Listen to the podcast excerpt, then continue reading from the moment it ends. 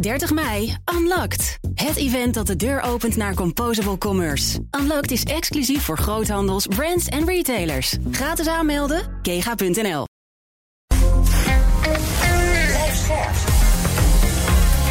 BNR Nieuwsradio. The Big Five. Diana Matroos anticorruptieregels. We staan zeker niet bovenaan de lijst van minst corrupte landen. Sterker nog, Nederland zou daar volgens de Europese anticorruptiewaakhond Grego nogal rommelig mee omgaan. En dat terwijl het juist cruciaal is voor een gezonde rechtsstaat en democratie. En daarom ga ik deze week met vijf prominente gasten in gesprek in BNR's Big Five van de strijd tegen corruptie. We maken de schade op voor zowel de overheid als het bedrijfsleven en kijken ook wat je nationaal en internationaal moet doen om het uit te roeien. Vandaag doe ik dat met Loesewies van der Laan. Zij is directeur van de anticorruptieorganisatie Transparency International Nederland, onderdeel van een wereldwijde organisatie. Maar we kennen haar natuurlijk uit het verleden ook allemaal als voormalig Europarlementariër, als voormalig Tweede Kamerlid en fractievoorzitter van D66. Loesewies, welkom. Hartelijk dank. Uh, we gaan natuurlijk zo meteen uh, echt met jou uh, praten wat ook de grens is tussen lobby en corruptie, want dat heeft toch ook met elkaar te maken. Maar voordat ik dat ga doen, wil ik eerst aan je vragen twee dingen. En het eerste is: wat is nou het grootste misverstand rond corruptie? Ik denk het grootste misverstand is dat het hier in Nederland niet bestaat. Uh, en dat uh, we toch een associatie hebben met koffers met geld, uh, vooral in ontwikkelingslanden. Nou, we hebben natuurlijk gezien dat het ook in Brussel gewoon gebeurt, helaas. maar afwezigheid van, van omkoping en steekpenningen betekent niet dat er geen corruptie is op andere vlakken. Het is veel complexer ik vind eigenlijk dat we in Nederland een beetje naïef zijn. Uh, dat het iets is wat, hier, wat hier niet gebeurt. Uh, en dat we vooral naar andere landen kijken. En ik denk dat dat het grootste misverstand is. En als iets, daarom vind ik het ook fantastisch dat jullie hier echt een week lang aandacht aan besteden. Um, uh, als iets echt zou helpen om wat meer vertrouwen uh, terug te brengen in de samenleving, is het dat we veel bewuster omgaan met vragen over integriteit en kijken van goh, wat zijn nou de risico's en hoe kunnen we ons weerbaar maken? Want het gaat ook over onze democratie. Uh, echt in alle haarvaten van de samenleving ja. speelt dit. En het tweede wat ik uh, van je wil weten, en ik merkte het al toen je hier binnenkwam en ook wat ik allemaal over je gelezen heb, er zit zo'n vuur in als het over dit onderwerp gaat. Waar komt dat vuur vandaan? Ik denk toch echt van, vanuit de overtuiging dat we die samenleving met elkaar maken. Um, en als mensen het gevoel hebben dat je niet meer eerlijk met elkaar omgaat, uh, dat je mensen niet meer kunt vertrouwen, dat de politiek er maar is voor een kleine elite, dat bedrijven contracten krijgen omdat ze vriendjes hebben op bepaalde plekken, dan, dan is dat vertrouwen weg uit die samenleving. En het is zo essentieel voor een democratie, maar ook voor onze welvaart, om dat wel te hebben. Dus bij mij komt het echt vanuit een soort, ja, soort heilig vuur dat in mij brandt. Mm -hmm. Wat voor soort wereld hebben we met elkaar? Ook hoe bijzonder het is wat we hebben in Nederland. Maar ook zien dat het heel kwetsbaar is. Um, en, en dat je daar dat niet zomaar moet laten gaan. Want je krijgt het heel moeilijk weer terug. En iedereen die nu zit te luisteren, die denkt: joh, uh, ik, ik kan mezelf prima in de spiegel aankijken. Uh, niks, niks aan de hand. Wat zou je tegen die mensen zeggen? Wat mooi, wat fijn. Um, en tegelijkertijd. Um, uh, de meeste mensen die dingen doen die eigenlijk niet kunnen, kunnen zichzelf ook in de spiegel aankijken. En ik denk het, het bijzondere aan gesprekken over integriteit uh, en dus ook over corruptie is. Um, uh, het is een kwetsbaar gesprek. Als je iemand aanspreekt op zijn integriteit, als je zelf iets ziet waarvan je denkt van hé, hey, uh, wacht eens even, die collega of die baas die doet misschien iets wat niet door de beugel kan, dat raakt dan iets heel fundamenteels aan je waardesysteem. Dus het is niet een, een, een makkelijk gesprek mm -hmm. uh, om het op gang te brengen. Um, ik vond het ook heel mooi gisteren in de uitzending, uh, gisteren met, met Nanette van de Douane, die dat ook zei van hoe, hoe ga je dat gesprek aan met elkaar, hoe spreek je elkaar aan? Want alleen door dat samen te doen kun je die, die weerbare organisatie en die weerbare samenleving maken. Uh, natuurlijk doen jullie dat ook. En dan gaan we zo meteen ook meer de diepte over in. En ook als het gaat over de Nederlandse situatie, uh, de Nederlandse politiek. Maar toch even om heel snel het in internationaal perspectief uh, te plaatsen. Uh, want ik hoor al dat we heel veel blinde vlekken hebben uh, hier in Nederland. Hoe slecht of goed doen we het? Relatief gezien met de rest van de wereld doen we het goed. Um, uh, dat betekent niet dat er geen problemen zijn. Maar uh, ja, mensen die, die ook reizen, vooral in, in, in ontwikkelingslanden, die weten dat je hebt daar de zogenaamde de petty uh, corruption. Hè. Dus ik weet nog toen ik vroeger in Moskou kwam, dat je dan altijd een biljet van 20 dollar in je paspoort deed bij de douane, want dan ging je er gewoon sneller doorheen. Ja. Um, en en, en dat, in landen waar je wordt aangehouden door de politie, en dan weet je hop, een, een briefje van dit of dat, en, en, en je krijgt geen boete. dus dat, dat is iets wat we natuurlijk in Nederland niet kennen. Je hoeft hier niet te betalen voor je rijbewijs. Je hoeft niet uh, steekpenningen te geven om, uh, om, om een vergunning van de gemeente te krijgen. Nou, dat soort dingen. Dat is mooi. Mm -hmm. um, dus overheidscorruptie uh, is, is vergelijking met andere landen is, is er eigenlijk niet. We hebben nee. natuurlijk wel ook gezien een mondkapjesdeal hè, met, uh, of met Siewert van Linden. Dat je denkt, nou, hè, dat is toch een CDA-prominent die of van ja. een CDA-minister een contract krijgt wat eigenlijk niet. Dus we moeten niet denken dat we hier dat het niet dat speelt. Er, er zijn meer voorbeelden. Ja, maar het is, geen, het is geen Soudaan, het is geen Bolivia, et cetera. Dus relatief gezien doen we het goed. Maar vergeet niet dat uh, als er grote corruptieschandalen zijn, bijvoorbeeld in Oezbekistan hadden we de Vimpelkom affaire. We hadden in, um, in Angola Isabel dos Santos, die heeft 2 miljard uit dat land uh, weggesluist. Dat witwassen gaat via Nederland. Mm -hmm. Dat is, zijn Nederlandse advocaten, Nederlandse consultants, Nederlandse trusten die meewerken om dat geld te laten verdwijnen. Dus ik hoor jou ook echt nu wel rechtstreeks ook het bedrijfsleven aanspreken. We zijn Zeker. altijd zo gewend hè, met de Nederlandse politiek om daarop in te zoomen. Europees Parlement natuurlijk, Qatargate, waar we het zo meteen over gaan hebben. Maar het zit dus ook echt bij dat bedrijfsleven. Ja, dus we hebben dus ook in Nederland, het, als het niet rechtstreeks is, dan is, er zitten mensen omheen. Dus er wordt gefaciliteerd. Dus we moeten niet alleen kijken naar zijn, het, um, uh, zijn er Nederlanders die steekpenning betalen in Nederland. Nee, dat, dat gebeurt in principe niet. Er zijn wel Nederlandse bedrijven die het in het buitenland doen. En er zijn Nederlandse bedrijven die faciliteren dat uiteindelijk dat zwarte geld op een of andere manier moet weer wit gewassen worden. Ja. En daar, daar hebben je ook een markt in. Nou, dat staat elke dag in de krant. Hè. Het probleem met witwassen, met de trustsector en dat soort zaken. Dus, uh, dus het is veel complexer dan je denkt. En je moet dus niet alleen maar denken aan, uh, aan die koffers met geld. Ik vraag elke gast eigenlijk: maak nou eens een definitie van corruptie. Zeker omdat het dus toch ook uh, iets is waar wij een blinde vlek hebben in Nederland. Wat, wat zou jij daar allemaal onderscharen? Ja. De definitie die wij gebruiken als Transparency International is het gebruik van je positie voor persoonlijk gewin. En um, dat kan dus zijn omdat je de macht hebt om bijvoorbeeld inderdaad een vergunning te geven of een contract toe te kennen. Uh, dat je dan denkt, nou, dan uh, neem ik daar een percentage van. Of ik vraag aan die aannemer, nou, als jij dan mijn, hè, mijn zomerhuis uh, wat goedkoper verbouwt, dan kun jij deze rotonde voor de gemeente verbouwen. Dat is een klassiek voorbeeld, hè, dat je ervoor wat voor ja. terugkrijgt. Maar ook als je denkt bijvoorbeeld aan wat er bij The Voice is gebeurd.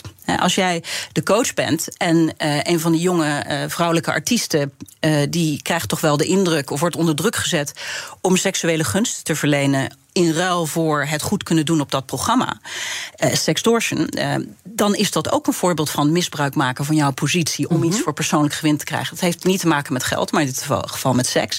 Dat is ook corruptie.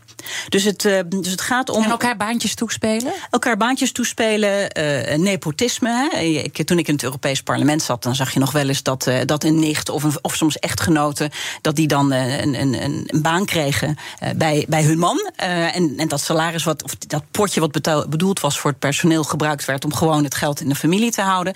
Nou, dat zijn klassieke voorbeelden van, van corruptie. Waar, wat natuurlijk interessant is, is dat je uh, dat de Nederlandse mentaliteit van ja, vriendjespolitiek, uh, voor wat hoort wat, van ja, gun elkaar nou eens wat. De vraag is wanneer gaat dat over in corruptie? Precies. En het zijn, het zijn hele, het zijn schaduwgebieden. En wat je natuurlijk eigenlijk niet wilt, is dat je in de buurt van die grenzen komt. Met name in de politiek. Hè, dat je mm. Daar heel erg moet, moet waken voor, voor in ook de schijn van belangenverstrengeling. Want het, het ondermijnt het vertrouwen. Dat je denkt van ja, maar die heeft die stage gekregen omdat, eh, omdat die baas daar een vriendje of een, een, een clubgenoot is van die en die. Of waarom heeft, heeft hij of zij die baan gekregen? In plaats van ik, want ik was eigenlijk even competent. Dus daar moet je heel erg voor waken. En dat je de processen transparant houdt. En ook bij jezelf te raden gaat van hmm, ik heb een mailtje gekregen of een appje van iemand die zei: Ja, mijn, uh, mijn dochter doet ook mee aan die competitie. Wat doet dat met mij? Op, op welk moment zeg je dan zelf: Ja, laten we het er even niet over hebben, want dat voelt niet zuiver. En dus hoor ik je zeggen: Het is eigenlijk ook bijna een cultuurkwestie. De cultuur die je in je bedrijf hebt, die kan een soort glijdende schaal worden naar uh, corruptie. Dus dan hoeft het nog niet corruptie te zijn, maar dan kom je wel in de gevarenzone. Is dat het? Ja, je zet heel erg de deur open. Ik, ik, een voorbeeld wat we in onze trainingen wel eens geven is: stel je, uh, er zijn uh, drie printers besteld. En in de, gewoon in de managementvergadering zegt hij: Goh, waarom hebben we nou drie printers besteld? Want we hadden toch eigenlijk maar twee nodig. En dan zegt, uh, zegt de CEO, die zegt van... ja, waar bemoei je mee, daar ga je toch helemaal niet over. Nou, dan is ja, het bericht wat iedereen krijgt in die vergadering onuitgesproken is van, nou, het is niet de bedoeling dat je hier dit soort vragen stelt. En stel dat de persoon die die kritische vraag stelde, of die open vraag eigenlijk, uh, dat die daarna zijn contract niet verlengd wordt, of mhm. dat die op een zijspoor wordt gezet, dan creëer je een cultuur waarin je toch ook zegt van ja. Uh, dit, dit is niet welkom. We zijn niet transparant. En dat zet de deur open voor heel veel andere zaken.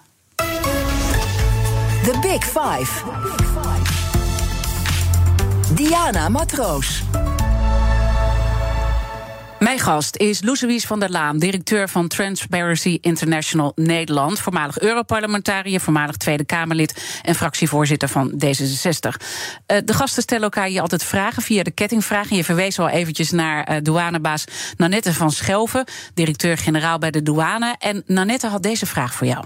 Ja, zij is volgens mij een beetje van mijn generatie. En wij hebben ook uh, ongeveer gelijktijdig aan dezelfde universiteit uh, gestudeerd. Ik ben eigenlijk wel heel benieuwd. als je naar haar loopbaan kijkt, um, is toch een voorvechter voor, um, het, het, voor de democratie.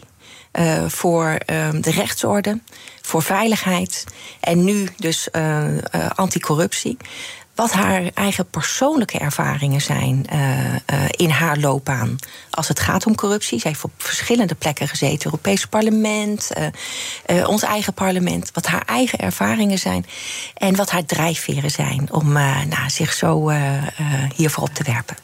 Ja, die passie die, die, die komt echt door die microfoon van jou. Dus die drijfveren heb je eigenlijk al eh, benoemd aan het begin van een uitzending. En ook een ervaring. Maar misschien kan je nog wat ervaringen uh, delen. wat ook iets waarschijnlijk heeft gedaan met jou, kan me ja, voorstellen. Ja, ik, ik, ik, ik, vond, ik vind het een ontzettend leuke vraag. Ik heb er ook echt even over, over nagedacht. En ik denk het moment uh, wat voor mij echt een omwenteling was. want ik heb ik heb veel in Oost-Europa gewerkt. En ja, het klinkt heel naar, maar daar, daar verwacht je het dan. Hè, zoals inderdaad dat dollarbiljet in je paspoort en, en andere zaken.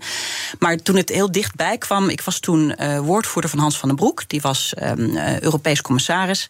Um, en uh, er was op dat moment was zijn collega-commissaris Edith Cresson, die was in opspraak. Die had aan haar, volgens mij was het haar tandarts en haar ja, waarzegger of zoiets. Mm. misschien ook zelfs haar minnaar. Er zijn allemaal verhalen over. Maar die had hem een contract gegeven daar had hij eigenlijk helemaal niets voor gedaan. Dus een klassiek voorbeeld van, van corruptie. En wij werden als woordvoerders werden wij bij de hoofd van de woordvoering uh, binnengeroepen. En uh, er werd gezegd van nou jongens, jullie hebben natuurlijk je eigen dossiers. Hè. Hans van den Broek die deed de uitbreiding met Oost-Europa. Maar jullie hebben ook goede banden met jullie nationale pers. Hè. Dus ik dan met de Nederlanders, omdat ik de enige Nederlandse woordvoerder was. Jullie moeten nu gaan spinnen, uh, informeel. Uh, dat, dat er eigenlijk niks aan de hand is. Dat die Cresson helemaal onschuldig is. En, en toen toen stelde ik de vraag, ik zei, maar, maar is dat zo? Dat onderzoek loopt toch nog? En, en, en hoe weten we dat nou eigenlijk? En toen zei ze, ja, nee, dat moet je gewoon gaan doen. Ik zei, maar wacht eens even, ik heb een reputatie... en ik heb mijn eigen morele kompas. Die journalisten, die vertrouwen erop dat ik de waarheid vertel kun jij je hand in het vuur steken dat deze mevrouw onschuldig is? Ja, dan moest ik maar mijn mond houden en, uh, en, en doen wat er mij gezegd werd. En dat was het moment dat ik dacht, maar dit klopt niet. Nee. Dit is niet in de haak. En ik heb het ook toen niet gedaan. Maar, ehm, maar, maar als je even naar jouw definitie van corruptie gaat... dat is geen corruptie, want je kreeg er niet iets voor terug, hè? Klopt. Maar toch zeg je, dit, dit deugt niet en dit riekt naar corruptie? Nou, de, wat, en het bleek ook later, hij is vastgesteld. En toen moest de hele commissie Santer uiteindelijk moest ook, moest ook aftreden om deze zaak. Dus dat er wel degelijk iets aan de hand was. Maar dat willen toedekken, afleiden, net doen alsof er niks aan de hand is. Dat is natuurlijk ook niet integer. En het was mijn, mijn baan. Het, is ook niemand die zei van je raakt je baan kwijt als je het niet doet. Dus wat dat betreft eh, was het niet dat er echt een, een rechtstreeks risico voor mij was. Maar het voelde niet goed. doet. En het interessante is, dat was ook het moment dat ik eh, besloten heb om uh, daar weg te gaan bij die organisatie en, en me kandidaat te stellen voor het Europees Parlement.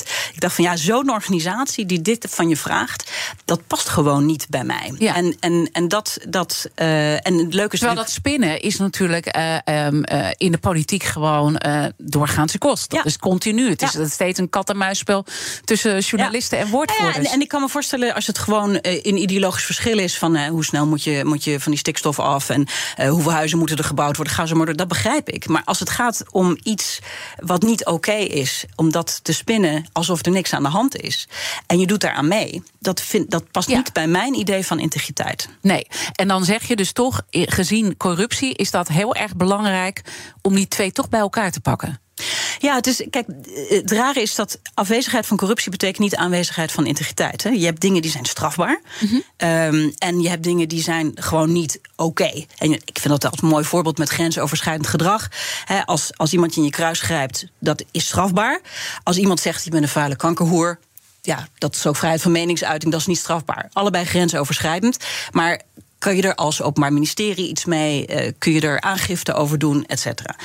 Bij corruptie is het zo, en het is natuurlijk ook heel lastig vaak te bewijzen, uh, dat dingen die echt strafbaar zijn, of bijvoorbeeld tegen de gedragscode van je organisatie, of, uh, of tegen heldere afspraken, dan weet je waar de grens ligt. Maar je hebt ook nog een heel gebied wat gewoon niet integer is, wat niet zuiver is, wat er tegenaan schuurt. En, en dat heeft ook te maken met je eigen uh, morele kompas. Dus de drieslag ja. die, wij maken bij Transparency International is één: heb je je regels op orde? Nou, mooi voorbeeld dat we recentelijk nog hadden in Nederland. Cora van Nieuwenhuizen wordt lobbyist voor de industriesector. Daar zijn geen regels. Omdat we in Nederland geen verplichte afkoelperiode hebben, geen vertrouwenspersoon, geen toezichthouder. Dat komt er nu wel aan, uh, Gelukkig, de wet gewezen bewindspersonen. Maar er was helemaal, waren geen regels. Hebben dus jullie ook opgestort? Daar hebben wij heel hard voor gelobbyd. Ja. Zijn we heel blij dat dat uh, nu komt. Want Nederland was echt hekkensluiter in Europa wat dat betreft. Het tweede is, is er handhaving. Hè? Bijvoorbeeld, je hebt in de Tweede Kamer een hele heldere regel. Uh, Kamerleden moeten hun neveninkomsten opgeven. Nou, meneer Baudet doet dat niet. Uh, hij krijgt er ook straf voor. Hij mag een week niet meedoen.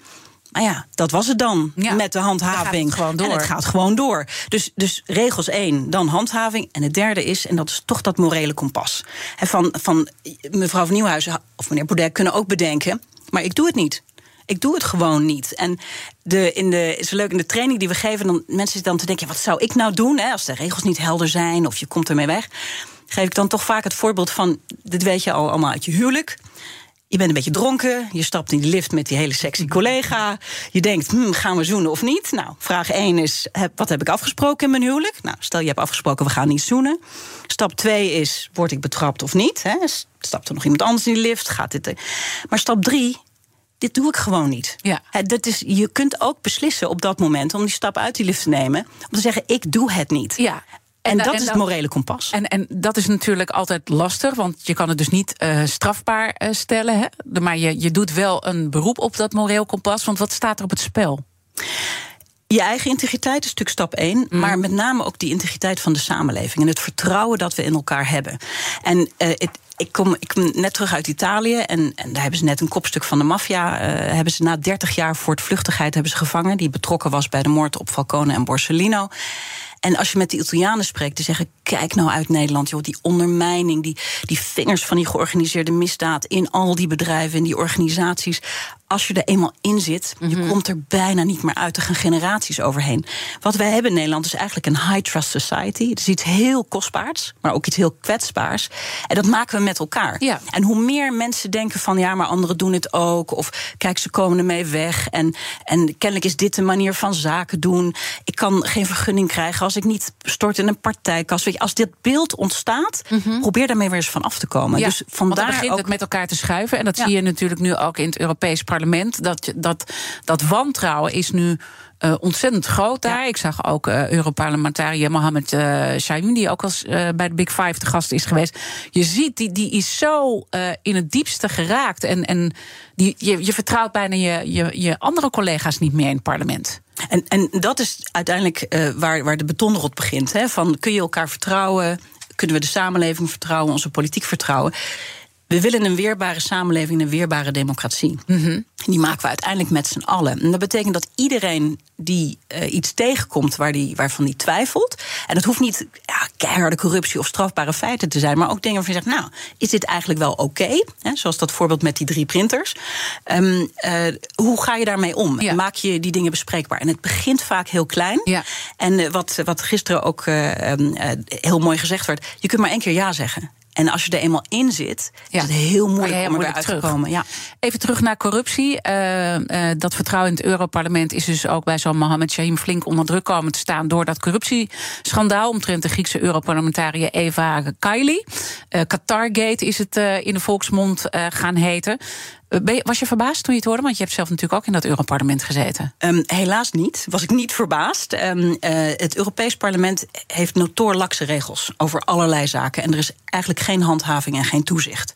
En soms moet er dus inderdaad weer iets helemaal misgaan. Nou, dit echt met koffers, met geld. Uh, er zijn jarenlang geen kritische moties over Marokko in stemming gebracht.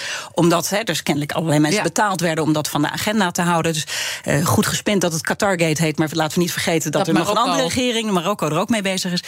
Um, uh, uh, er is nu kennelijk een, uh, een, een van de, de, de zeg maar, medeplichtigen die nu gaat praten. Dus de, ik ben bang dat er nog meer dingen naar boven komen. Maar nu moet het Europees Parlement echt wel schoon schip maken. Ja. En die veertien maatregelen die zijn aangekondigd, dat is een begin. Mm -hmm. Maar als je niet onafhankelijk toezicht hebt en als je niet zorgt dat er ook echt handhaving en boetes en sancties komen, dan is er een kans dat het over een paar jaar of over een paar maanden zelfs, dat het toch weer allemaal, allemaal verwaart. Ja, dus veel harder moeten uh, ingegrepen worden. Overigens, die voorstellen die er zijn gedaan, die moeten nog uh, ja. goedgekeurd worden. Er zal natuurlijk ook wel wat weerstand uh, opkomen van bepaalde Zeker. delen van Europa. Dat kan je ongeveer wel een beetje voorspellen. Ja. Een, een, van die voorstellen is dat je geen toegangspas meer kan hebben op het moment dat je stopt als Europarlementariër. Heb jij lang van die pas nog gebruikt? Ik, uh, ik, ik, heb, ik heb nog. Ik, is, je kan ik, nu naar binnen. Ik, uh, ik weet niet of het nu nog kan, uh, maar ik, ik gebruik hem ook niet. Want Hoe als lang ben ik, je alweer weg? even denken, ik ben in 2003 naar de Tweede Kamer gegaan. Moet je nagaan. Dus ik heb al die tijd heb ik een pas waarmee ik in principe ongestoord het Europees Parlement zo binnen kan lopen. En je ziet het ook, want ik zie dan, dan dat, dat ja, mensen kunnen daar ieder gebouw, het gebouw binnenlopen. En toen ik daar zat als Europarlementariër, kwam er wel eens iemand gewoon mijn kantoor binnenlopen. En ik dacht, huh? En die, die wilde dan iets, uh, lobby over een of andere richtlijn, over wetgeving. Ik zeg, maar sorry, wie, wie bent u? En heeft geen afspraak. En zo, ja, nee, ik had een afspraak bij iemand anders. En en je denkt, hoe komen die hier binnen? Ja. Dat is niet geregeld. Dat is natuurlijk eigenlijk schandalig. En hoe jij daarmee omging uh, in het verleden en wat voor advies je daar hebt, ook voor ons uh, allemaal. Dat gaan we zo meteen uh, bespreken in het tweede deel van de Big Five. Mijn gast is Loesewies van der Laan, directeur van de anticorruptieorganisatie Transparency International Nederland. En dan staan we ook stil bij die grote strafzaak tegen oud-wethouder uit Den Haag, Richard de Mos. Blijf luisteren. 30 mei, Unlocked. Het event dat de deur opent naar Composable Commerce. Unlocked is exclusief voor groothandels, brands en retailers. Gratis aanmelden, kega.nl. Op 6 juni mogen we naar de stembus voor de Europese verkiezingen. Hete hangijzers genoeg natuurlijk. Oorlog, klimaat, energie, concurrentie. Ondernemers willen vooral dat er nu eens wat harde knopen worden doorgehakt. En die regeldruk, die moet omlaag. Op 23 mei om 7 uur s avonds op BNR gaan verschillende partijen met elkaar en ondernemers de ring in. Tijdens het BNR Ondernemersdebat. Het Ondernemersdebat wordt mede mogelijk gemaakt door VNO-NCW en MKB Nederland.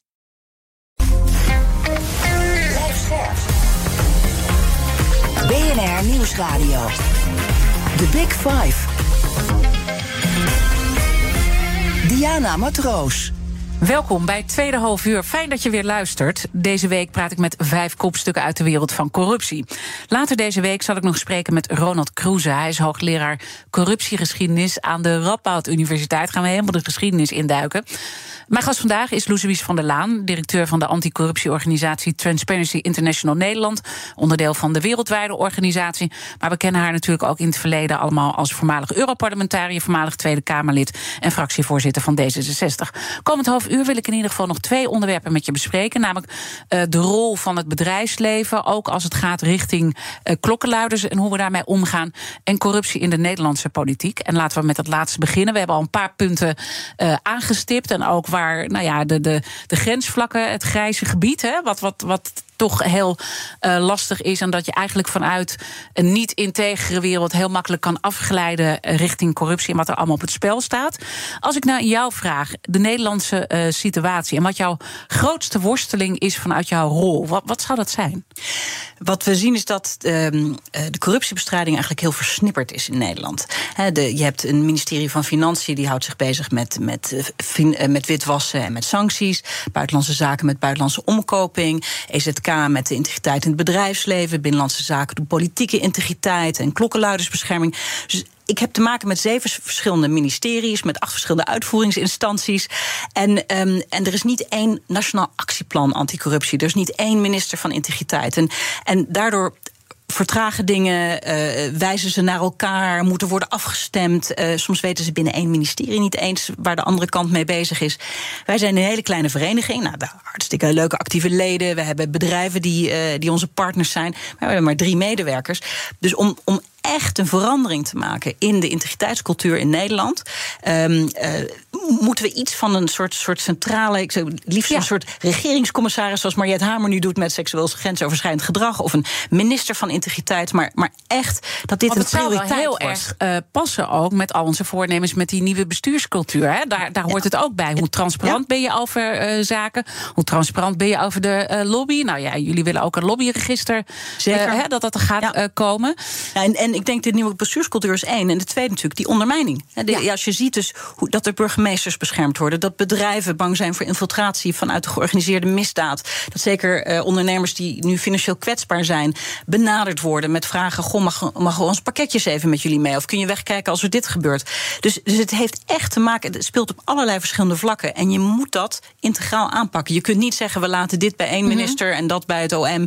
Maar en die versnippering, die werkt alleen maar meer, uh, meer corruptie in de hand. Uh, uiteindelijk gaat het natuurlijk ook over de beeldvorming en het moreel kompas. Daar heb je het ook uh, duidelijk over gehad. En dan, uh, nou ja, even een paar zaken die jou in Nederland dan opvallen, hoe we daarmee omgaan. Hè? Want je moet natuurlijk ook die blinde vlek, nou ja, die, die, die, die moet je gaan openen om te zien wat het eigenlijk is.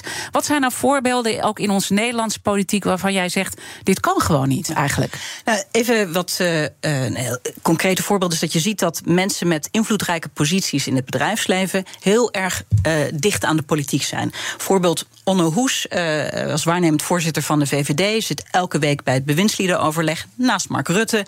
Maar die is ook de lobbyist van de Nederlandse Vereniging van Makelaars. Terwijl we in Nederland in een woningcrisis zitten. is toch wel interessant hè, dat de club van de makelaars aan tafel zit bij de ministers. Uh, denk aan uh, D66 Frans van Drimmelen. Die is lobbyist, onder andere voor de Joint Strike Fighter. Die heeft jarenlang in de selectiecommissie van het jonge talent van de nieuwe Kamerleden gezeten. Het is toch wel heel interessant dat iemand met een concreet uh, bedrijfsbelang -hmm. meebeslist wie er straks in, namens he, defensiewoordvoerder gaat worden in die Tweede Kamer. Um, dus het is een, een verstrengeling uh, die, die je ziet, waar dus niet eens vragen worden gesteld. En die moeten gesteld worden. En dan kun je alsnog de afweging maken. Uh, het kan wel, of we bouwen deze veiligheidsmarges in. Maar als de vraag niet eens gesteld wordt en het gebeurt gewoon, dan krijg je dus een hele rare belangenverstrenging. Of in ieder geval de perceptie van belangenverstrenging. Maar omdat het dus gewoon mag eigenlijk. Uh, wordt die vraag ook. Uh, ja, ik bedoel, de vraag zou wel gesteld moeten worden, hoor. Dat ben, dat ben ik met je eens. Maar het begint natuurlijk ook dat als dingen niet mogen, dan ga je er ook anders naar kijken. Handelen in invloed mag gewoon. Ja, en het rare is, en uh, dat vond ik, ik, viel van mijn stoel toen ik dat las. Wij zijn, hebben ondertekend de United Nations Convention Against Corruption. En daar staat dat handelen in invloed als een voorbeeld van corruptie. Dat dat niet mag, peddling en influence. Um, en daar hebben wij als Nederland gewoon een uitzondering op bedongen. Dat dat hier gewoon mag blijven bestaan.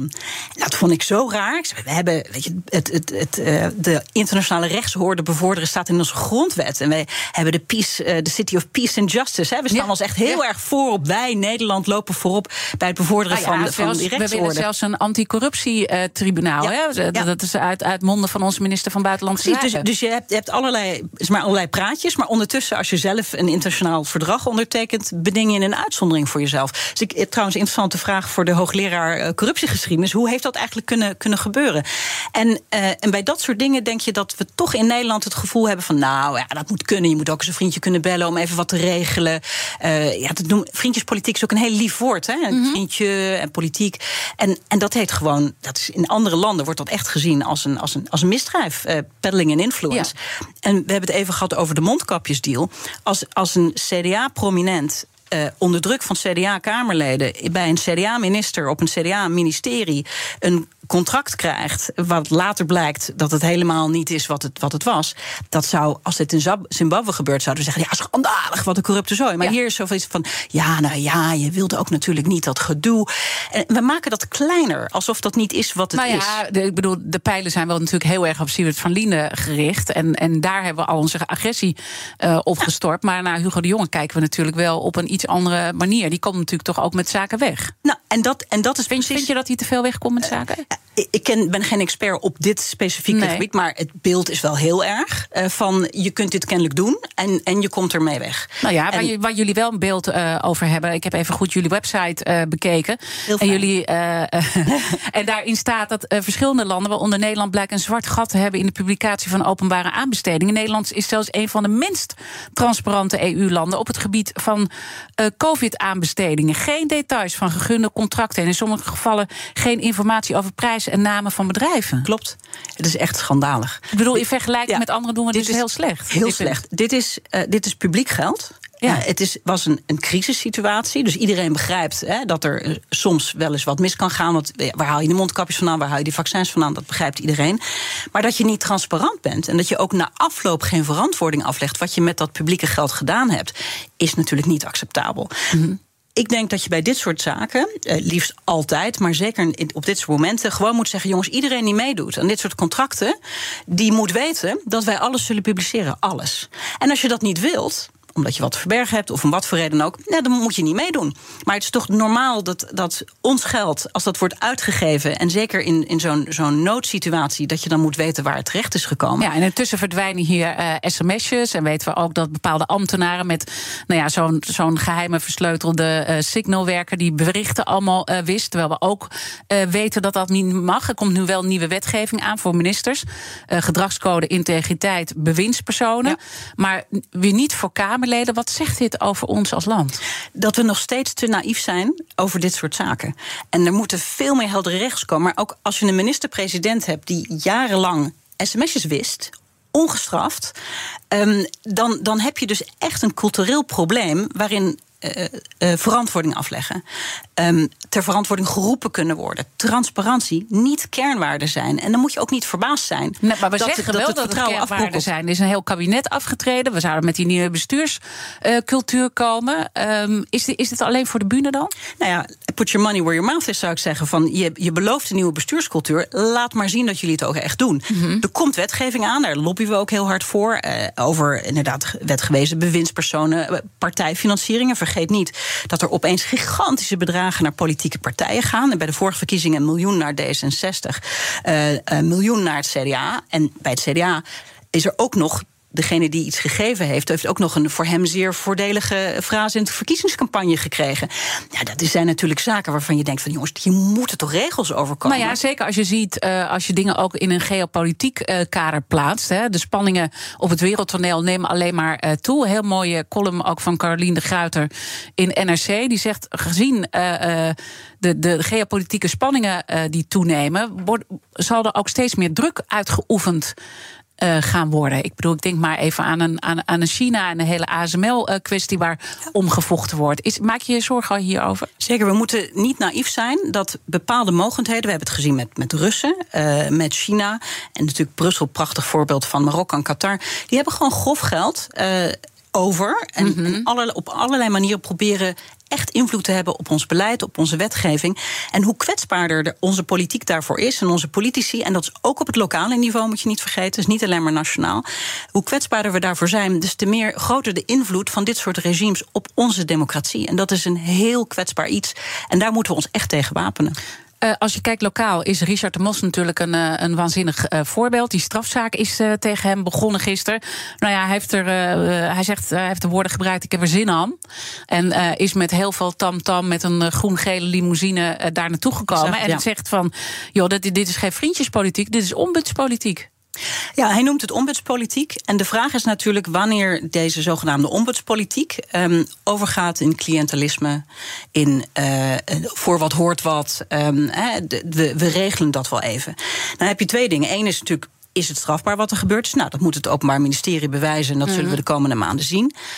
Maar de andere vraag is, en dan hebben we het weer over dat morele kompas, maar willen we dit eigenlijk? Als nou echt het beeld ontstaat dat je alleen maar door een donatie in een partijkast te doen die vergunning kunt krijgen, als men het gevoel krijgt, dit is hoe de politiek werkt, in dit geval dan in Den Haag, dat ondermijnt ook het vertrouwen in het systeem. Dus er zit natuurlijk altijd een grijs gebied. Maar ik vind eigenlijk dat de politiek zich niet in dat grijze gebied moet wagen.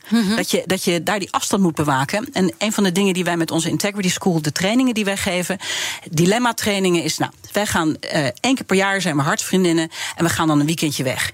Die hartsvriendin is toevallig aannemer en ik word wethouder. En ik ga toevallig over de aanbesteding van het nieuwe gemeentehuis. Moeten wij dan dat jaar wel ons weekendje wegdoen? En, en op welk moment zeg je dan, weet je schat, we hebben dit altijd gedaan, maar dit ziet er gewoon niet goed uit.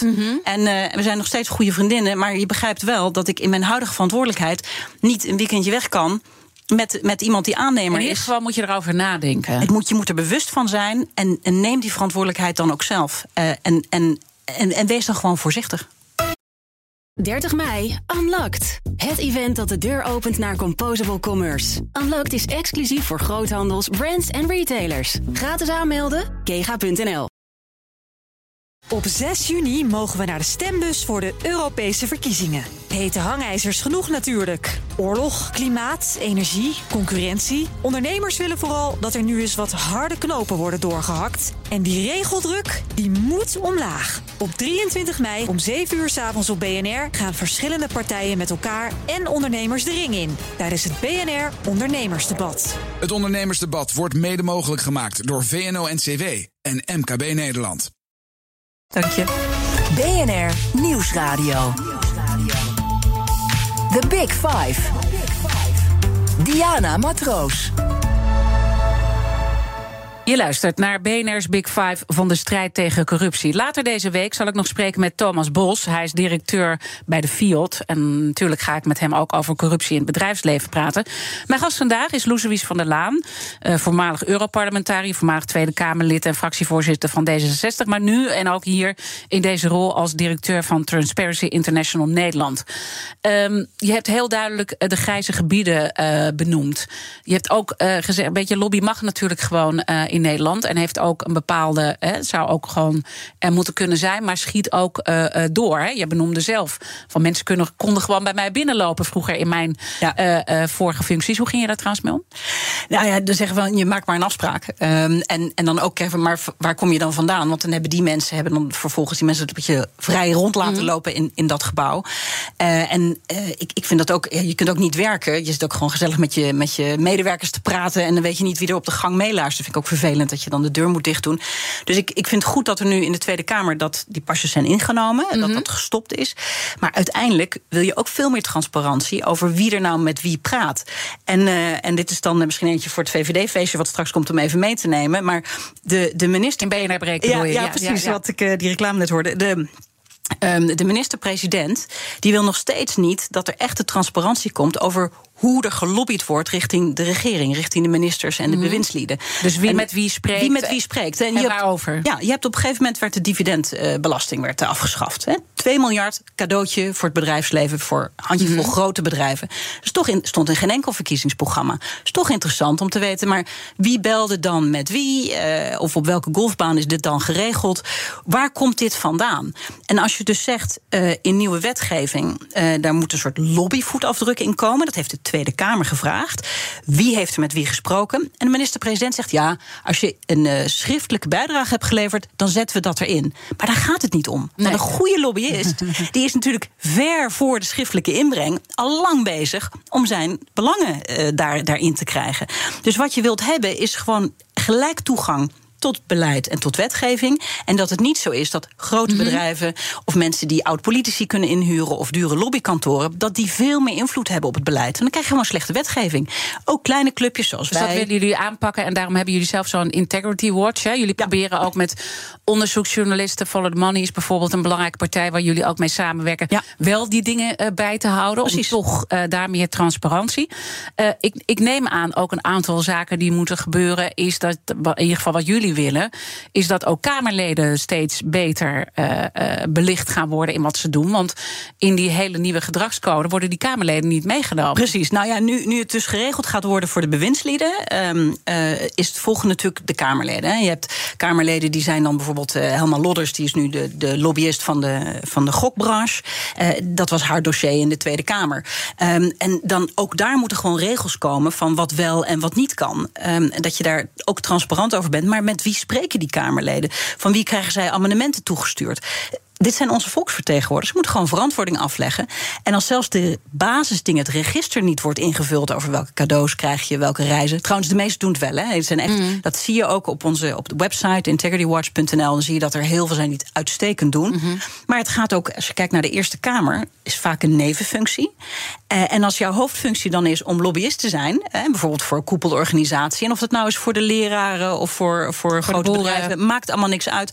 Maar je moet wel weten met welke daarop zit. En dat geldt trouwens ook bij de provinciale staten. Dat geldt ook voor, de, voor op al die lokale niveaus bij de gemeenteraad. Er komen nu verkiezingen aan. Mm -hmm. Vraag die kandidaat: wat zijn nou je nevenbelangen? En heb je daar wel eens over nagedacht? En als jij, jij, jij boer bent en je gaat straks over boerenbelangen meestemmen, hoe zorg je dan dat jouw eigen belang hier niet de doorslag geeft? Het zijn mm -hmm. echt vragen die je moet stellen aan de mensen aan wie jij jouw politiek vertrouwen gaat geven uiteindelijk, uh, als er corruptie heeft plaatsgevonden en iemand ziet dat, want je wil natuurlijk ook, en dat sprak ik gisteren ook uh, met uh, de baas van de douane, Nanette van Schelven, je wil ook dat mensen elkaar aanspreken. Ja. En dan kom je toch ook bij die klokkenluiders. En jij zegt, daar moeten we veel beter voor gaan zorgen. Want als iemand dat durft, want dit gaat over durven uitspreken, dan, dan komt dat op represailles te staan. Absoluut. En um, kijk, de meeste mensen willen niet escaleren. Dus wat er heel vaak gebeurt, is als je iets ziet en er iets van zegt. Uh, en de sfeer ontstaat van nou, dat, je kunt maar beter je mond houden. Mm -hmm. uh, dan, dan zullen ook veel mensen zullen het laten. Dat doet wel iets met je, met je rechtsgevoel. En, en het is dan ook geen fijne werkomgeving als je eenmaal klokkenluider wordt, dan is het eigenlijk al misgegaan. Wat je natuurlijk wilt, en zeker als bedrijf, maar ook overheidsorganisaties. Um, je wilt natuurlijk dat het intern wordt opgelost. Dat je een, een, een, er is een misstand, er komt een melding, het wordt opgelost en, en je kunt weer gewoon doorgaan. Het is als mensen niet gehoord worden en als er niets aan die misstand gebeurt, dan krijg je klokkenluidersituaties. Klokkenluiders zijn hele moedige mensen. Zijn heel veel van de grote schandalen die naar buiten komen. Eh, milieuvervuiling, ehm, het feit dat de tabaksindustrie al lang wist dat nicotine verslavend was. Dat soort zaken komen naar buiten omdat er moedige klokkenluiders ja. Eh, dit, dit aan de media hebben gegeven. En vervolgens Aha. gaat er wat, wat lopen. Ja. Maar als bedrijf wil je natuurlijk dat het goed geregeld wordt. En een klokkenluidersregeling is één ding. Maar je kunt veel beter een veilige cultuur hebben intern, zodat mensen geen klokkenluider hoeven te worden. Nu is het zo dat we in Nederland tot nu toe echt slechte wetten hadden um, op het gebied van klokkenluidersbescherming. We hebben het afgelopen twee jaar heel hard gelobbyd. En nu is er een wet die een stuk beter is. Bijvoorbeeld mm -hmm. ook ZZP'ers worden nu beschermd, vrijwilligers worden beschermd. Uh, je hebt een omkering van de bewijslast. Uh, dus het gaat echt, echt de goede kant op. Hij ligt nu bij de Eerste Kamer, die wet. Maar er zijn nog steeds dingen die niet goed geregeld zijn. En een van die dingen is dat dat uh, er een eis is, behalve als er EU-wetgeving wordt geschonden, dan is het helder. Alsof iemand weet wat een EU-wet is. Hè. Mm -hmm. Ik bedoel, als jij ziet dat er een illegale giflozing is, dan moet je bedenken: hmm, is dit door Europa verboden of door Nederland? En uh, als het door Nederland verboden is, hmm, is het dan nog wel strafbaar? Maar ze willen voor die, die Nederlandse schendingen willen ze het woord, hebben ze gezegd, het moet een maatschappelijke misstand zijn. En het rare is dat niemand precies weet wat nou wel of niet een maatschappelijke misstand is. En dan denk ik bijvoorbeeld aan de, de, de directeur die uh, zijn uh, maîtresse promotie geeft of met haar een weekendje weggaat met de bedrijfsauto. Nou, als dat een privébedrijf is, denk je nou, hè, is dat nou maatschappelijke misstand? Mm. Nee, het, het deugt niet. Het is niet heel integer. Maar ja, wat heeft de samenleving daar probleem mee? Als dat een rechtercommissaris is die dat doet, heb je echt een gigantisch probleem. Het geeft ook een soort rechtsongelijkheid. Datzelfde gevallen, maar omdat je dan ambtenaar bent, word je anders behandeld dan privé. Dus we moeten eigenlijk veel meer aan educatie ook gaan doen om te weten wat, wat nou wat is, om te kunnen weten waar je tegen ook in verweer kan komen. Ja, moet, in de eerste plaats moet er een heldere wet komen. Dus ja. we hopen alsnog dat de Eerste Kamer zegt: maar jongens, als het niet helder is wat nou een maatschappelijke misstand is, uh, dan moeten we deze wet gewoon niet aannemen. Uh, dus uh, een goede wet is, is stap één. En het tweede is, die ondernemers die moeten natuurlijk ook zorgen dat ze dit goed regelen intern. Want uiteindelijk wil je dit voorkomen. Want als het eenmaal naar buiten komt, in de media komt, dan ben je al veel te ver. Met alle imagoschade van dien. Misschien is het mooi om dan te besluiten met de kettingvraag. Um, morgen dan spreek ik met Victor van der Scheijs. Hij is voorzitter van Delta Links, de ondernemersvereniging voor bedrijven in het havengebied van Rotterdam. En natuurlijk ga ik met hem ook praten over de problemen in de Rotterdamse haven. Als gevolg van internationale drugscriminaliteit en corruptie, die vaak met elkaar gepaard gaan. Wat zou je aan hem willen vragen? Ja, het is natuurlijk een ongelooflijk belangrijk iets dat, uh, dat die haven zich wapent tegen corruptie. En we zien natuurlijk elke dag in de media die jonge afhalers en ga zo maar door. Dus mijn vraag aan Victor is: um, uh, wat is nou jouw gouden tip voor bedrijven? Hij is natuurlijk al heel lang bezig met hoe creëer je zo'n cultuur van, van melden, van anticorruptie. Als je één advies kan geven aan ondernemers uh, die hiermee te maken hebben, wat is nou jouw gouden tip hoe je eigenlijk een integriteitscultuur kunt verankeren in je bedrijf? Mooie vraag, die ga ik hem zeker stellen. Ben je een beetje hoopvol over Nederland? Ja, dit is een olietanker die moet draaien. En wat je ziet is dat heel veel mensen, het zie je ook bij de mensen die lid worden bij ons, bedrijven die zich aansluiten als lid. Men wil echt iets anders. Dit is, wij gaan deze cultuuromslag gaan wij uiteindelijk winnen. Uh, en we zijn, wij zijn met velen, zou ik dan mhm. zeggen. Um, maar um, uh, er is nog wel, wel heel veel werk aan de winkel. Maar ik heb er ontzettend veel zin in. Nou, dat, uh, dat hebben we kunnen merken ook het afgelopen uur. Dankjewel voor alle inzichten die je hebt gedeeld. Loes van der Laan, de directeur van Transparency International Nederland. En natuurlijk is alles van Big Five zoals altijd terug te luisteren. Abonneer je nou gewoon op onze podcast via onze app of je favoriete podcastkanaal. Dan weet je zeker dat je niets mist. Maar blijf live. Zometeen iemand Verrips met BNR breekt. Ik wens je een mooie dag. 30 mei, Unlocked. Het event dat de deur opent naar Composable Commerce. Unlocked is exclusief voor groothandels, brands en retailers. Gratis aanmelden, kega.nl.